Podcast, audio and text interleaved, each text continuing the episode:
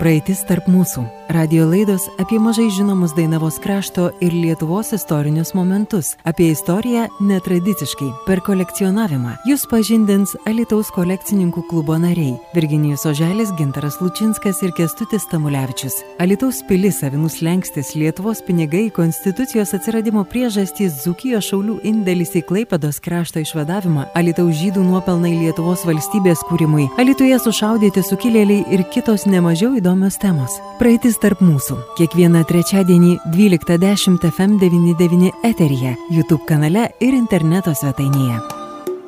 Labą dieną, gerbiami radijos stoties FM99 klausytojai. Šiandien, kaip ir kiekvieną trečiadienį, su jumis laida Praeitis tarp mūsų. Prie mikrofono aš Virginijus Oželis ir mano kolega Gintaras Lučinskas. Sveiki. E, praeitą kartą mes turėjom tokią įdomią temą apie žydus, kurie ten rėmė Lietuvos atsikūrenčią valstybę, pirko šį beitą. Ir pabaigoje laidos buvo toks pažadas duotas, kad įsiaiškinsime, už kokiusgi pinigus jie pirko pas tuos vokiečius, kokie jiems buvo teisingi tie pinigai, už kuriuos jie atiduodavo savo perteklinę amuniciją ir, ir visą kitą gerį. Aišku, kad laidos praeitos pradžioj ten buvo truputėlį mus nutempę į 18 amžių ir dabar toks potraukis yra, bet kadangi mes ne politikai kol kas, tai pažadų laikysimės, ką pažadėjom, tą ir pildysim. Taigi tęsim praeito trečiadienio temą, nu, aišku, čia potėmis bus, už kągi pirko tie mūsų gerbėmieji piliečiai, kurie rėmė mūsų valstybės atkūrimą 18-19 metais. Čia tokia įžanga būtų trumputė, nu, kaip atsirado tie vokiečiai pas mus, kad pas juos buvo galima apsipirkti taip jau plačiai gana. Nuvyko pirmas pasaulinis karas ir iki 1915 metų rugsėjo pabaigos vokiečiai užėmė buvo visą Lietuvą, taip pat Latvijos pietinę dalį iki Dauguvos ir Baltarusijos vakarinę. Iš tų visų žimtų teritorijų jie suformavo tokį, tokią apskritį, Oberostų vadinamą. Vokiškai tas skamba kaip gebėdas Oberbefehlhabers Ost, tai sutrumpintai Oberostų vadino ir patys vokiečiai. E, tas, ta apskritis buvo sus, padalinta į tris dalis, tai buvo Kuršas arba Kurland vokiškai, Lietuva jie vadino Litauven ir pietinė dalis Baltarusijos gabalas Belistokas, Belistok Grodno, Balstogė Gardinas. Ta visa okupacija, ten administracija visa vykdė rytų kariuomenės vado Paulio von Hindenburgo generalinio štabo viršininkas Liudendorfas ir jisai tą visą dalyką nu, administravo kaip, kaip tikrasis karinis administratorius. Pačioj pradžioj dar begaliojo Rusijos imperijos pinigai Lietuvoje, kad ir vokiečių okupuotoj. Cariniai rubliai tik tai vienas niuansas tame, kad iki karo laisvai tie rubliai buvo keičiami į auksą, e, be sumos apribojimo auksinė moneta buvo e, visiškai lygiai vertė banknotams. Tik, tik prasidėjus karui iš karto auksas buvo uždaromas bankuose, neišduodamas, tik priimamas, atsiskaitimai visi vykdomi tik banknotais. Oficialus e, tarpusavio valiutų kursas pagal aukso vertę buvo už vieną carinį rublį dvi markės ir 16 Vokietijos fenigų. Taip, kad iki pirmą gerą pusmetį tebe galiojo Lietuvoje rusiški pinigai, paraleliai, aišku, ir vokiečiai savo pinigus vartojo. E, bet vėliau įsisavindami šitos jau užimtų savo sričių administravimą, jie sugalvojo išstumti rusišką valiutą kaip po priešiškos valstybės iš, iš vietinės apyvartos. Tada jie Poznaniai, tuo metu Vokietijos vienas iš svarbių miestų, dabar aišku Lenkija, buvo įkurtas specialus bankas emisinis ir jisai pradėjo 16 e, metų, dabar net va, pažiūrėsim, balandžio 17 dieną pradėjo leisti vadinamus ostrublius. Tai buvo gana įdomus banknotai. E, Aversas tik tai vokiečių kalba, ir nominalas e, nuo 100, 125, 10, 3, 1 rublis ir kapeikom, kapeikomis buvo 50 ir 20 kapeikų. Reversas buvo tri, trikalbis. Buvo lietuvių kalba skolinamosios kasos ženklas, analogiškas tekstas latviškai ir tas pats lenkiškai. Aišku, buvo ta vadinama teisinė klauzulė parašyta, kad už kas, pardu, kas padirba šitos skolinamosios kasos ženklus, juos vartoja, vartojimas kleidžia, baudžiamas katurga iki 8 metų. Taip pat buvo Hamburgo ir Belino kalyklose nukalta serija metalinių monetų nominalų 1, 2 ir 3 kapeikos, bet jos buvo metalas gana netipinis pasirinktas geležis. Kodėl dabar geležinės monetos? Už tai, kad spalvoti metalai vykstant karui, Vokietijoje buvo deficitas. Savo išteklių neužteko, importuodavo iš neutralių šalių, jiem ten švedai daug padėjo, danai taip pat nedalyvavę, kario olandai, nu vienu žodžiu, už auksą buvo galima įsigyti viską. Ir dabar va toks įdomus niuansas, kad įvedę e, tą administraciją visą, oficialų šitų, e, šitų ostrublių vadinamų kursą, jie dar padarė vieną dalyką, kad už degtinę gali, perkant oficialiuose valstybėse parduotuvėse, E, reikėjo mokėti pusę kainos būtinai auksų, negalėjau atsiskaityti visiškai banknotais. Taip pat druska ir cukrus buvo parduodamas tik už auksą. Tai buvo toks tikslinė priemonė iš gyventojų išimt brangiuosius metalus, jiems paliekant džiaugtis gražiais labai spalvotais popieriukais. Banknotais, kaip mūsų dabartinė kalba kalbant. Ir maždaug va, per, per visą tą okupacinį laikotarpį iki 18 metų, nu aišku, okupacija ten dalinai tęsėsi, tai vien tik iš Oberosto apskrities e, Lietuvos, to trečdalio, kurį užėmė Lietuva, į Vokietiją išvežta apie 2,2 milijono markių aukso monetomis. Nu, bet lietuviai kaip e, be cukraus gal galėjo išgyventi, čia ne problema, medaus buvo, viską, druska sunkiau, Nu, dėktinė pusė kaino, aš manau, lietuvis išradingas buvo visais laikais. Nu, jei ką man tą auksą įkvoti, jeigu aš galiu kažkur tai kažką tai amatininkų darbščiųjų rankų kalvis koks kaimo galėjo susukti kokį gyvatuką ir turėti tą dėktinę nemokamai. Ir dar pavaišinti tą patį vokiečių žandarą, kada jisai ateidavo kratos daryti ir ieškoti. Tas okupacinis režimas buvo gana toksai griežtas, netgi pas vieną mūsų kolegą, kolekcininką teko matyti originalų 1916 metų dokumentą E, vokiečių vadinamos ten vietinės administracijos išduotas leidimas parskersti keulę. Netgi pasirodo šitai buvo, pasigilinus kaip čia kas dėl ko pasirodo, vokiečiai viską labai smulkiai buvo suadministravę, Kiek, kiekvienas ten e, turėjo, jeigu tu skerdi keulę dalį, priduoti ten kaip mokestis, kaip duoklius kariuomenės reiksmėm, grūdus irgi tas pats. Nu ir vėl lietuvių išradingumas buvo begalinis. Jeigu anksčiau svilindavo keulės kaip šiaudai, šiaudus, šiaudus uždega, jie ten dega, nu, svilina kiek reikia. Nu, tai kylantis dūmai iš aukštesnių vietų, tie jau žandarai vokiečių turėjo stebėti. Rūksta dūmas, aha, mes ten atjojam ir pažiūrom, kur paršelis. Tai lietuviai išradingi sugalvojo taip, svilindavo keulę, įkaitindavo krosnį geležį kraudonumo, dūmo kaip ir nėra, bet jis savo darbą padaro. Tai vad kaip tie visokie okupantai lavino lietuvių išradingumą visais laikais. Ir visos, ne tik okupantai, ir savos valdžios, jeigu kur žmogų per daug prispaudžia, jis visada ras išeitį.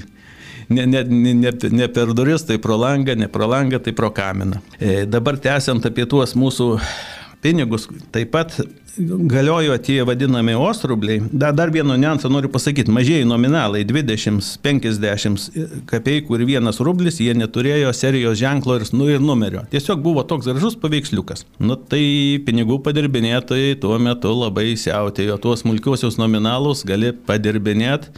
Apsaugos ženklų taip pat vandens ženklių aš kiek savo kolekcijoje turiu labai, kad ir geram stoviai nelabai žiūriu. Ornamentas nesudėtingas. Nu ir toks net netgi skatinimas buvo, žiūrėkit, kam tuos pinigus uždirbti, jeigu jų gali nusipiešti. Aišku, stambiai nominalai jau buvo sunkiau padirbami, bet nepaisant to grasinimo aštuonis katurgos metus už padirbinėjimą, žmonės dirbo. E, atėjus jau 1918 metais, kovo 4, emisinis bankas ten atidarė savo skyrių Kaune, atskyrė skolinimąją kasą nuo to Poznanės banko ir jau pradėjo leisti nebe rublius, bet markės.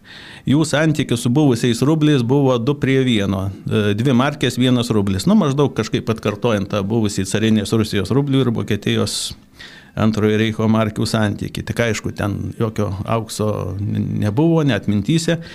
Ir tada jau jie išleido kiek kitokius nominalus. Aišku, smulkių nominalų buvo, nebuvo, buvo pusė markės, mažiausias nominalas, paskui viena, dvi penkios, 20, 50, 100 ir didžiausias nominalas 1000 markių. Nu, labai gražus žalės toks banknotas. Ir juos jau išle... Kaune kovo ketvirtą visi žymėti, kad išleista. Iš antros serijos dingo visiškai lenkų kalba. Tik tai re... reverse buvo tik lietuviškai ir latviškai. Aversas tik tai vokiškas. Ir tos jau osmarkės vadinamos, jos išsilaikė iki litą įvedant ir netgi kaip, jos Vokietija karą pralaimėjo, viskas, administracija pasitraukė, bet pinigai pasiliko.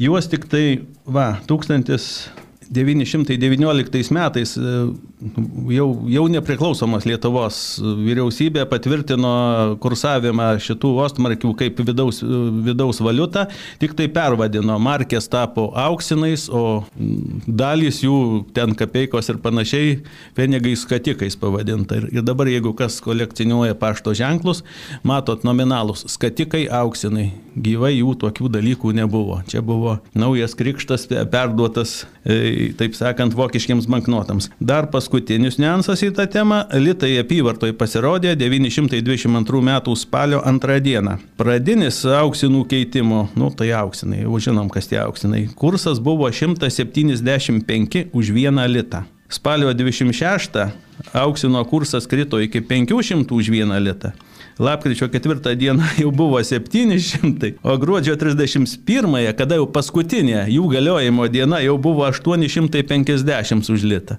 Tai kai kuriuose vietose turint e, ten žmogui gyvenant nuo, toli nuo administracinių centrų e, ir turint mažiau, mažą sumą iki tūkstančio, ten neapsimokėjo didelį kelią keliauti, kad jį ten keistis į tuos centus likusius. Ir dabar kaip kolekcininkas pasakysiu, dar kažkur 7-8 praėjusio 20 amžiaus dešimtmetį dar buvo galima kaimuose susitiktų banknotų užkišta kažkur, bus paklausdavai, kaip ten ką gal turit, kokių senų netikusių pinigų, gal galit ten taip, mums taip įdomu, gražu. Tai dar jų rasdavai ir tai žmonės atiduodavo kaip nereikalinga. Šiais laikais, kada išėjo jau katalogai, Lenkai juos įtraukė į savo katalogus, nors paskutinė laida ten lenkiškos raidės ne vienos nėra. Na, nu, aišku, tie pirmieji 16 metų kažką taip.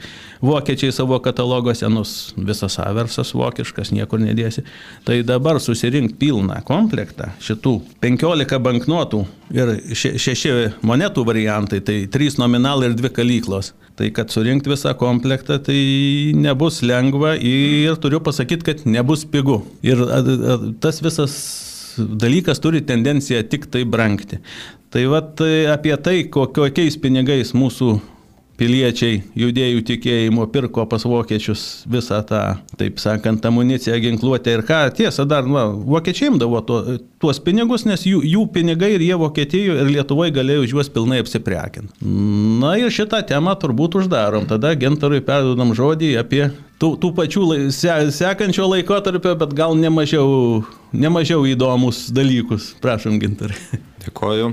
Kolega Virginijus paminėjo žodį cukrus. Tai šiais laikais cukrus laikomas tikriausiai baltąją mirtimi, tačiau prieš šimtą metų cukrus, galima sakyti, buvo netgi valiuta arba pavyzdys yra žinomas toksai, kad Lytaus apskrityje Simne atvykę Lenkų agitatoriai atsivežė kelis maišus cukraus ir bandė nu, įtakoti vietinius gyventojus, kurie pasisakydavo esantys Lenkais, tie cukraus parduodavo pigesnę kainą, o lietuviams iš vis neparduodavo. Taigi tema būtų tokia - Simno Lenkų kuopos sukilimas 1919 m. rūpjūtį. Kuopa šiuo atveju tai čia ir sakoma, ir, ir įrašoma kabutėse, nes turima minty e, nelegali Lietuvoje, o Lenkijoje aišku buvo legali tokia organizacija POVEKų, trys didžiosios raidės P, O ir W, bet juos liaudė vadino POVekais. 1919 m. gegužės birželio mėnesį lietuvių ir lenkų santykiai nebuvo draugiški, buvo įtempti, nes artėjo toks laikas, kai iš, iš, iš šių teritorijų turėjo įsikraustyti okupantai vokiečiai. Ir buvo sprendžiamas klausimas, kam suvalkyje atiteks, ar Lietuvai, besikūrenčiai naujai valstybei, atsikūrenčiai ar Lenkijai. Lenkai turėjo savo interesų, lietuviai irgi turėjo teritorijų ambicijų. Vokiečiai kažkiek buvo palankūs lietuviams, todėl e, didžioji suvalkijos dalis, įskyrus Augustavo kraštą, buvo priskirta Lietuvai pagal 1919 m. birželio 18 d. nustatytą demarkacijos liniją. E, minėtos e, organizacijos Piovekų suvalko apygardos vadovybė galvojo kitaip, kad dalį Lietuvos reikia prijungti prie didžiosios Lenkijos. 1919 rūpiučio 12 dieną įvyko Suvalkijos dvarininkų suvažiavimas, prieėmė deklaraciją ir buvo nutarta 19 metais naktį iš rūpiučio 22 į 23 sukilti prieš lietuvius, įstumti juos už tos demarkacijos linijos, užimti Simno miestelį, Kapčiamiestį, Seirijus, Lasdijus šadžiūnus nu, ir kitus mažesnius miestelius. E, sukilėlių partizanų būrius tuo metu sudarė su Lenkija tautiškai nesusipratę Lenkų sukursyti dvarų darbininkai ir smulkūs ūkininkai, kurie ne, nu, realiai negalėjo pragyventi iš, iš savo žemės ir dirbę dvaruose. Jeigu kalbėt apie Simno miestelį, anuometinį, tai dauguma gyventojų save laikė Lenkais. Pokalbiuose su lietuviais jie kalbėdavo lietuviškai, tačiau jei prieidavo kitas Lenkas, iš karto tarp savęs pradėdavo kalbėti lenkiškai. Ir pradėjo atvirai šūkauti jie, kad eisę mušti lietuvių. Į tai lietuviai juos pašiepdavo. Yra tokia citata kunigo Vinco Šeškevičiaus atminimuose užrašyta, kuris skamba taip. Atsakydavo Lenkui, tau be pigu, kad nereikės nei toli eiti, nes parėjęs namo rasi ant krosnės lietuvį savo tėvą ir galėsi jį lūpti. Nu, čia turima minti, kad, kad jie buvo netikri Lenkai, jie labiau tie vadinami prošepanai. 1918 metais į Lenkijos kariuomenę iš Simno įstojo Kostas Dabulevičius, Jurgis Vaičiulionis, Petras Tankievičius, Sebastijonas Matukaitis, Vaclovas Šreiberis, Petras Bujanauskas, kitas dar Bujanauskas, turbūt jo brolis Petras Matukinas, kitas Matukinas, Misevičius, Narcizas Misevičius ir Antanas Jankauskas. Ir pagal tą Peovekų vadovybės nutarimą surenkti sukilimą, Dar prieš tai Simno Lenkai irgi suorganizavo savo tokią slaptą organizaciją, kaip minėjau, jinai buvo pavadinta Kuopa, jie apsiginklavo, ruošėsi sukilimui, būtent Simną prijungti prie Lenkijos teritorijos, naktim susirinkdavo, rengdavo pasitarimus ir laukė progos įgyvendinti savo sumanimus. Ypatingai aktyvūs buvo Simno valšiaus kolonistų kaimo tuometiniai Lenkai. Jeigu Simne Lenkų perversmas būtų pavykęs, komendantų buvo numatytas Jurgis Vaičiulionis, o viršaičių Adomas Juknelevičius. Tiesa, po kiek laiko Juknelevičius pavardę susilietuvino ir tapo Jukneliu. Lasdijų miesto komendantų taip pat buvo numatytas Simniškis Konstantinas Paulauskas. Istoriografijoje yra žinoma toksai faktas, kad 1919 e, metais vasarą ties Simnu prie Spernės upės tilto buvo organizuota diversija. Tai yra atsukta keletas geležinkelio bėgių varštų. Buvo manytina, kad į Lasdijus traukinių iš Alytaus vyks Lietuvos kariuomenė ir sukelti avariją, bet geležinkelio sargas tą pastebėjo ir likvidavo tą pažeidimą. E, Labai dabar nesiplėsiu, tačiau iš tikrųjų tas sukilimas įvyko, Kapčiamestis buvo užimtas 12, 12 valandų per naktį, Lazdijai kelioms valandoms buvo užimti, Seirijų neužėmė, Simne irgi nebandė, nes nu, tiesiog nepavyko jiems tas vadinamas sukilimas Kai kurie sutrikę tie vadinami kuopos dalyviai savanoriškai pasitraukė į Lenkiją. Jie iki pat nepriklausomybės Lietuvos, reiškia, iki 40 metų vasaros buvo kriminalinės policijos ieškomi Ir vienas įdomus atvejis, netgi toksai, dabar truputį į priekį, 15 metų persikelsiu apie kalbamus įvykius. Kai prasidėjo antras pasaulinis karas, Lenkijos kariuomenės e, kariškiai ar buvę policininkai ar pasieniečiai internavosi Lietuvoje ir Lietuvo žvalgyba vieną e, asmenį, buvusi vat, būtent šitą legionininką 19 metų identifikavo, pasėmė pas save, jam atnaujino bylą, bet taip susiklostė, kad 40 metais, kai atėjo so, sovietai, pirmą okupaciją, tą asmenį perėmė vėlgi pas save ir jo likimo nepavyko sužinoti. Dabar apie e, Lenkų tą kuopą antilietuvišką. Tai tokių duomenų apie juos nu, nėra iš tikrųjų per daugiausia, tik tai kunigo Vinco Šeškevičiaus atminimuose šiek tiek rašoma e, Simno parapijos takais rankraštyje 1940 metais,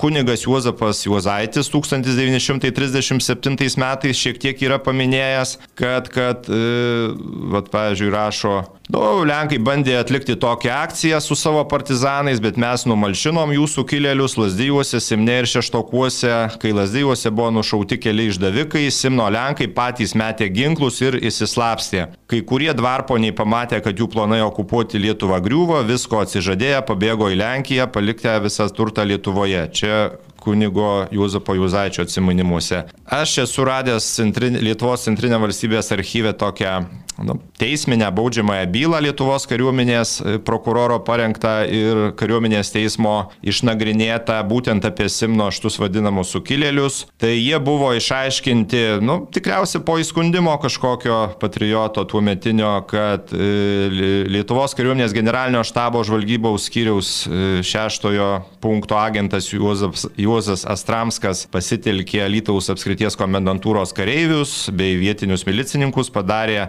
pas jau minėtą Domą Juknelevičių kratą. Ir jo sodė, bičių avilyje buvo rastas ryšulėlis, jame sąrašai tų vadinamų sukilėlių, taip pat buvo kelios proklamacijos, kurios buvo parengtos lenkiškai skamba Dovūtstvo Obronai Kresov Zėmė Suvalskiai, atspausdinta Balstogėje, nu ten tiesiog buvo agituojama, kad, kad jungitės prie didžiosios Lenkijos ir būsit laimingesni negu vargšų Lietuvoje. Gausit cukraus. Ir apie cukrų tikriausiai buvo taip. Tardymo metu buvo identifikuoti tie asmenys, tai žinoma 12 pavardžių. Adomas Juknelevičius kaip ir vadovas buvo, jam padėjo Jurgis Vaičiulionis, taip pat trečias pagrindinis asmo buvo Petras Stanionis, buvo įstoję į tą nelegalią tuo metu organizaciją Jonas Rekštys, Stasys Šlenfoktas, Aleksandras Takvilevičius, Antanas Jankauskas, Konstantinas Paulauskas, Petras Tankievičius, Antanas Valūnas, Stasys Viderskis, Petras Bujanauskas, Vladas Liegus, Jonas Homičius ir Vladas Sibulskis. Jie vykdė uh, tuos vadinamus mankštinimus, tai yra karinius pratimus, rinkosi kapinėse, kluonuose, pasislėpę. Tiesa, prieš laidą vat, su kolega Virginijum šiek tiek diskutavom, ar etiška skelbti pavardės tų vadinamų sukilėlių, tačiau sprendimas toksai, kadangi du kunigai savo atminimuose jau juos yra įvardyję, tai mums irgi negėda čia paskelbti, tai yra istorija, nu, mesgi nuo jos nepasislėpsime. Duomenų apsaugos įstatymas senatis labai labai didelė ir jis nebegalioja. Taip, kam įdomu jų iš tikrųjų būtų labiau patyrinėti tuos dalykus, ar, ar čia išvardintų asmenų giminėms ar panašiai, ar, ar kitiems besidomintiems Simno krašto istoriją, lai kreipsis pas mane, aš asmeniškai daugiau informacijos parodysiu. Dar norėčiau akcentuoti tokį dalyką apie nedemokratiškus tarpukario Lietuvos teismus, nedemokratiškus, sakyčiau, kabutėse. Taigi tie Simno legionieriai kabutėse buvo areštuoti ir už ketinimą nuversti teisėtą Lietuvos valdžią kariuomenės teismas nubaudė maždaug taip. Adomą Juknelevičių mirties bausmę sušaudant, Petrą Stanionį, Joną Homičių, Stasį Šlemfoktą, kalėjimų iki gyvos galvos, Joną Rekštį ir Stasį Sviderskį, 15 metų sunkių darbų kalėjime, atimant visas pilietinės teisės.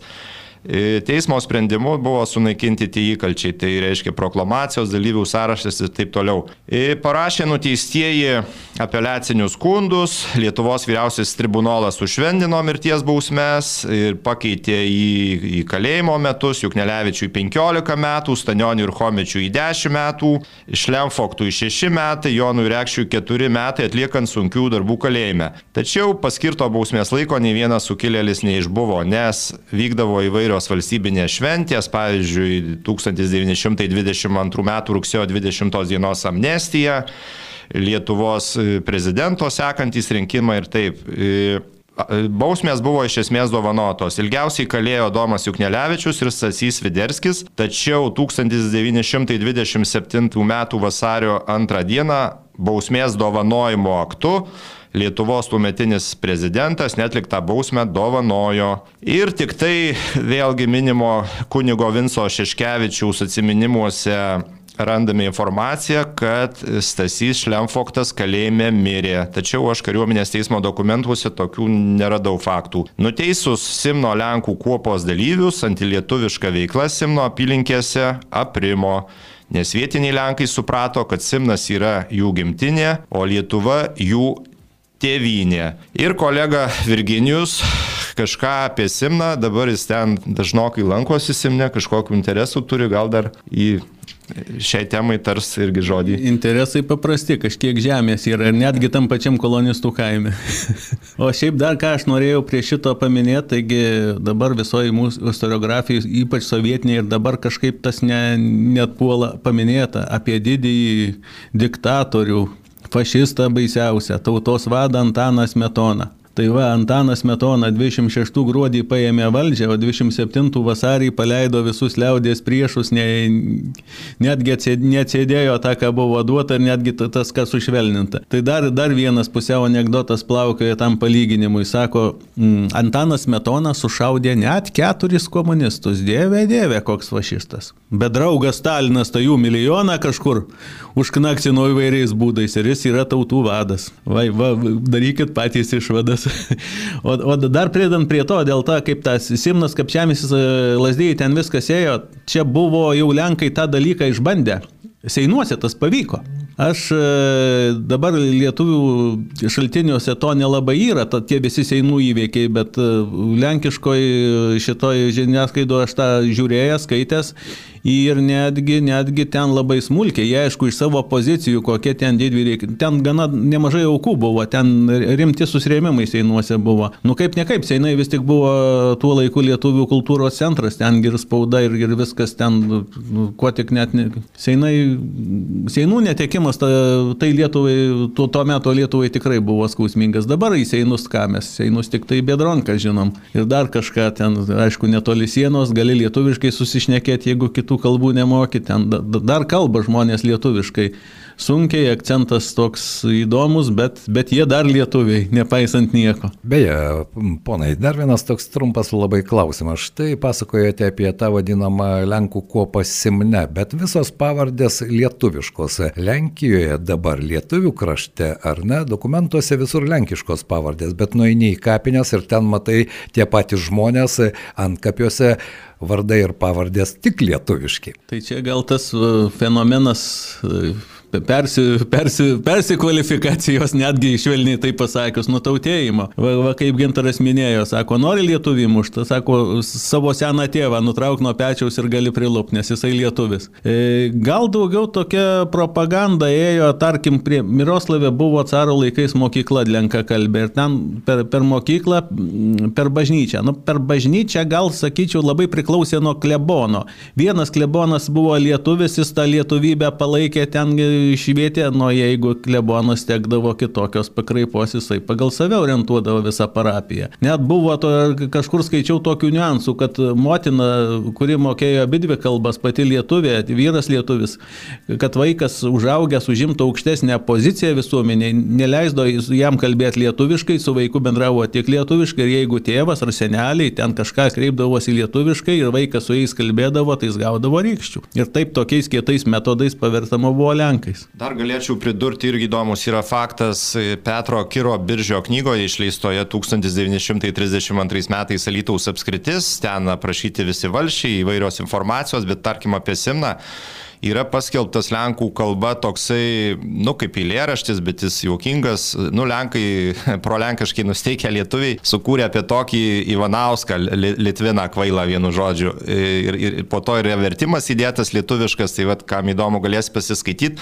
Bet esmė tame, kad tas Ivanauskas iš tikrųjų buvo doras lietuvis, užaugino e, savo kelis vaikus, e, reiškia lietuviškais nu, pagrindais. Ir vienas sūnus tapo Lietuvos kariuomenės karininkas, kapitono laipsnį buvo užsitarnavęs ir be kita ko jis buvo operos solistas Vladas Ivanauskas, o kitas sūnus buvo teatro artistas. Tai tas Vladas pastraukęs į vakarus mirė, o, o, o tas artistas, reiškia, Mariampolį palaidotas. Taip, kad įdomus dar, tarkim, tie apraiškos e, lenkuojančių asmenų buvo terorizavo mums visiems žinoma Mata Kas, Kasiulį, jo namus. Jisai buvo grįžęs iš užsienio, pasistatęs mūrinį namą, tai va, skleidė lietuvybę, kadangi parsivežė daug, daug gerų minčių iš Junktinių Amerikos valstijų, tai jam ten langus išdaužydavo namo ir panašiai, va, va tokių dalykų užfiksuota. Aišku, tai yra istorija, mes nu, nelaikom nei jokio keršto, nei, nu, tu prasme, tiesiog kalbam, kalbam, kaip tai susiję su mūsų krašto istorija, iš dalies su kolekcionavimu. Minėti, tarkim, dokumentai kažkur galbūt netgi